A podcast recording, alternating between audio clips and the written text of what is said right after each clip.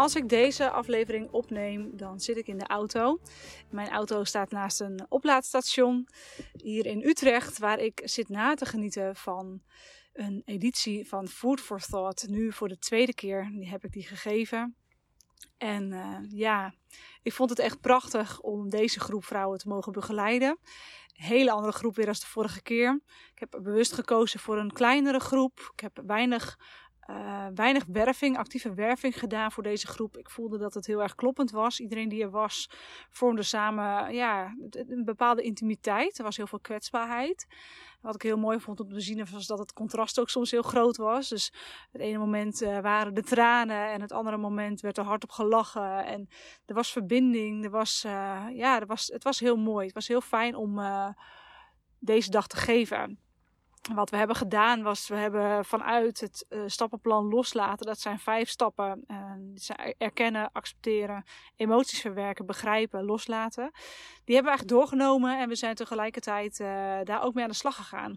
Om erachter te komen, waar komen die fysieke klachten nou vandaan? En een van de klachten waar, waar we het over hebben gehad en waar ik ook nu deze podcast over op wil nemen, was lage rugpijn. Dus um, echt pijn in je onderrug, uh, op de grens ook naar je heupen toe. Kan ook in verbinding staan met je heupen. Uh, het zit in elk geval laag in je rug. En die rugpijn die komt vaak uh, naar voren wanneer je bijvoorbeeld druk hebt gehad. Dat je echt een bepaalde vermoeidheid ook voelt in je onderrug. Nou, en ik wil in deze podcast daar wat aandacht aan gaan besteden. Om ook nog wat dieper in te gaan, zelfs dan op het event zojuist, op deze klacht. En waarom die dan kan ontstaan. En wat jij kunt doen om dat op te gaan lossen. En jezelf te gaan bevrijden van die vervelende lage rugpijn. Nou, allereerst is het goed om te weten dat er natuurlijk altijd een fysiek aspect is. En dat fysieke aspect in het geval van lage rugpijn kan uh, om twee manieren ontstaan. Uh, de ene is dat het mechanisch is, dus dat er uh, daadwerkelijk iets in jouw rug niet lekker zit. Bijvoorbeeld een ruggenwervel die niet lekker staat, spieren die stijf staan of je SI-gewricht. Dat zijn die twee knobbels in het, in het midden naast je uh, ruggenwervel, waar je heup begint. Dat dat gevoelig pijnlijk is en dat er dus in de aanhechtingen van je spieren um, ja, spanning staat. Nou, die spanning heeft een energetische lading. Uh, maar in de aanhechting van de spieren kan het ook zo zijn dat je wat uh, tekort hebt op aminozuurniveau, waardoor er flexibiliteit mist in die aanhechtingen. Dus het, heeft, ja, het kan een mechanische oorzaak hebben. Um, tegelijkertijd kan het ook van binnenuit komen. Dus wanneer je veel darmklachten hebt, um, regelmatig verstopping hebt, of juist vaak krampen ook hebt in je buik, dan kan dat ook heel goed naar je rug doorstralen. En dat voelt dan als een, vooral een hele zeurende rugpijn. Dus dan is het niet zo dat, het, ja, dat je echt merkt van, oh, als ik even lekker uitrek, dan, uh, dan voelt dat fijn. Maar je merkt gewoon dat hoe je ook zit of ligt, dat dat gewoon niet prettig is. Dat het niet fijn voelt. En bijvoorbeeld wanneer je menstruatiekrampen uh, hebt, dat je ook rugpijn kan hebben. Nou, daar lijkt het een beetje op. Uh, alleen is het dan dus prominenter aanwezig over het algemeen. Waardoor het uh, ja, echt vervelend is om, daar, om dat te hebben. En als je dus regelmatig uh, verstopping hebt, dan heeft dat dus een linkje met die, uh, met die rugpijn. Dus het is goed om je te realiseren dat het ook van die kant kan komen dat, uh, dat die rugpijn aanwezig is bij je. En dan het energetische stukje, want het fysieke, daar kan ik je zo een paar handvaten voor geven en dan kun je daarmee aan de slag. Maar dat gaat niet lukken, dat gaat geen effect hebben wanneer je het energetische niet gaat aanpakken. Als je daar jezelf niet bewust van bent. Nou, waar je onderrug uh, mee verbonden is, dat zijn twee dingen. Wanneer de pijn uh, gekoppeld is aan je bekken, dus echt uh, ook wat uitstraling kan hebben naar het onderbenen of naar twee onderbenen zelfs, dan heeft het over het algemeen te maken met gronding. Dat je je niet uh, ja, echt gebonden voelt, gegrond voelt in je lijf en dus ook niet echt lekker laag, stevig op de grond staat. Dan stroomt het niet. Nou, dat zeker kan zeker gepaard zijn met ook pijnlijke benen. Denk bijvoorbeeld aan de zijkant ook van je benen, bovenbenen, de buitenkanten, dat dat heel gevoelig kan zijn.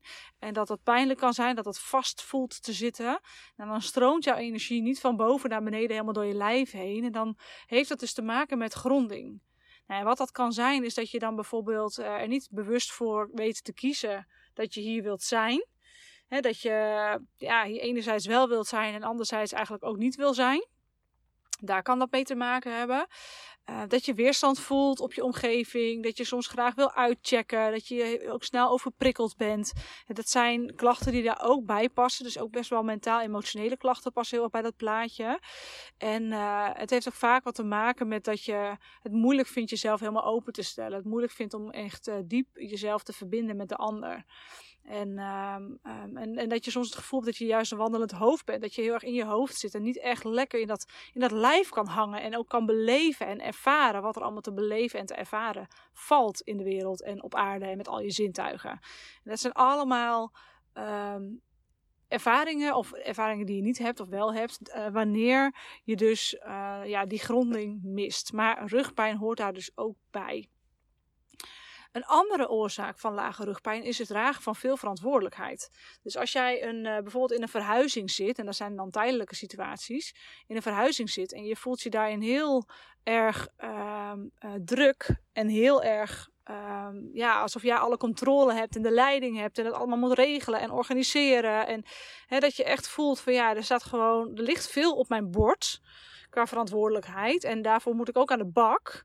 Ja, dat is dus het stukje um, veel verantwoordelijkheid dragen. Wat tijdelijk dus op, je, um, ja, op jouw bordje kan liggen. Waardoor je dus voelt van, um, ja, ik kan het even niet meer dragen. Ik kan het gewoon niet bolwerk. Het is te veel verantwoordelijkheid wat ik, uh, wat ik heb en wat ik moet dragen. En ik, ik zoek heel erg naar wat meer ontspanning en uh, ja, het loslaten van verantwoordelijkheid. Nou, dat kan dus een tijdelijk iets zijn en het kan dus ook een langdurig iets zijn dat je eigenlijk al jarenlang iets uh, te veel op je bordje hebt liggen en dat je daar stress van hebt.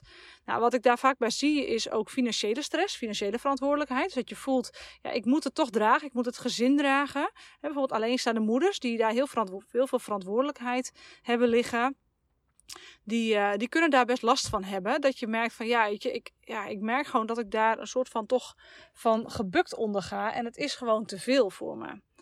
Nou, dan is het zaak, dan kan je twee dingen doen. Je kan zorgen dat je minder verantwoordelijkheid gaat krijgen. Dus dat je bepaalde dingen gaat uitbesteden, waardoor jij voor je gevoel daar niet meer uh, ja, verantwoordelijk voor bent. Hè, en dat echt uh, bij de ander de verantwoordelijkheid ligt om dat te managen en te regelen en te dragen. Denk bijvoorbeeld als alleenstaande moeder aan het, uh, aan het inhuren van een personal assistant voor een paar uur per week. Dat je echt merkt van ja, die regelt een heleboel voor mij. Die houdt alle verjaardagen in de gaten. Die zorgt ervoor dat ik op tijd even dat er een bloemetje gestuurd wordt. Of dat ik op tijd een signaal krijg dat ik een bloemetje moet sturen. Dat ik daar niet allemaal zelf over na hoef te denken. En dan neem je als het ware, uh, dan, dan los je op dat er veel verantwoordelijkheid bij je ligt. Maar het kan ook zijn dat jouw perceptie op die verantwoordelijkheid heel groot is. Dat jij voelt dat, dat, dat eigenlijk dat er helemaal niet zoveel verantwoordelijkheid bij je ligt, maar dat jij het wel voelt alsof er heel veel bij je ligt. Dat je het heel zwaar maakt en dat je het heel groot maakt en dat het heel beklemmend ook voelt. En dat je dus op die manier voelt van, ja, het is te veel. En je maakt het dan groot. dus dat is een ander aspect van verantwoordelijkheid. Dus het is sowieso altijd op basis van jouw ervaring. zo zijn er mensen die uh, ontzettend veel uh, verantwoordelijkheid dragen en dat fluiten doen en lachen door het leven gaan en daar nul stress van ervaren. En er zijn mensen die bijna geen verantwoordelijkheid uh, hebben, als je er naar zou kijken, objectief, uh, die het als heel zwaar en heel heftig ervaren. Dus dat is ook altijd een stuk perceptie. Nou, dan is het dus aan jou nu de, de, de, de vraag: wat is er dan voor mij? Wat, wat is dan bij mij het stukje waarop ik nu resoneer in deze podcast? Wat is nu in mij uh, datgene wat ik zo zwaar vind? En wat is nu uh, in mij, wat kan ik veranderen in mij of buiten mij, waardoor ik minder verantwoordelijkheid ga voelen? Waardoor ik meer gewoon ontspanning en plezier en joy in het leven ga voelen en ook lichter door het leven heen kan lopen. He, dat zit uiteindelijk in jou. Dat is een stuk perceptie enerzijds en een, een stukje actie nemen waar nodig anderzijds. Dus dat is de uitnodiging die voor jou ligt. En uh, ja, ik ben benieuwd wat, wat dit met je doet. Ik ben benieuwd waar jij op aanhaakt en waarvan jij voelt, nou, dit kon het wel eens zijn voor mij. En hier wil ik wat mee doen. En voel je heel welkom om dat met mij te delen op Instagram in een DM of LinkedIn op een, uh, in een DM. Je bent echt heel welkom om daar eens over te sparren, om het daar eens over te hebben. Misschien dat ik voor jou nog wat aanvullingen heb. Dat ik denk, oh, dit, dit is het volgens mij voor jou. Uh, voel je heel welkom om naar me uit te reiken. Ehm, ik luister graag naar je. En voor nu hoop ik dat deze podcast interessant voor je is. Ga ik nog even verder nagenieten van uh, Food for Thought, wat uh, dus uh, zojuist is geweest. En nou, ik denk dat mijn auto inmiddels volgeladen is, dus ik, ik kan naar huis. En ik ga genieten van het zonnetje. Ik hoop dat jij dat ook doet. Ik weet niet of dat nog steeds zo is maandag als deze podcast online komt. Maar voor nu in elk geval een hele mooie middag of avond of wanneer je hem ook maar luistert. En tot een volgende aflevering.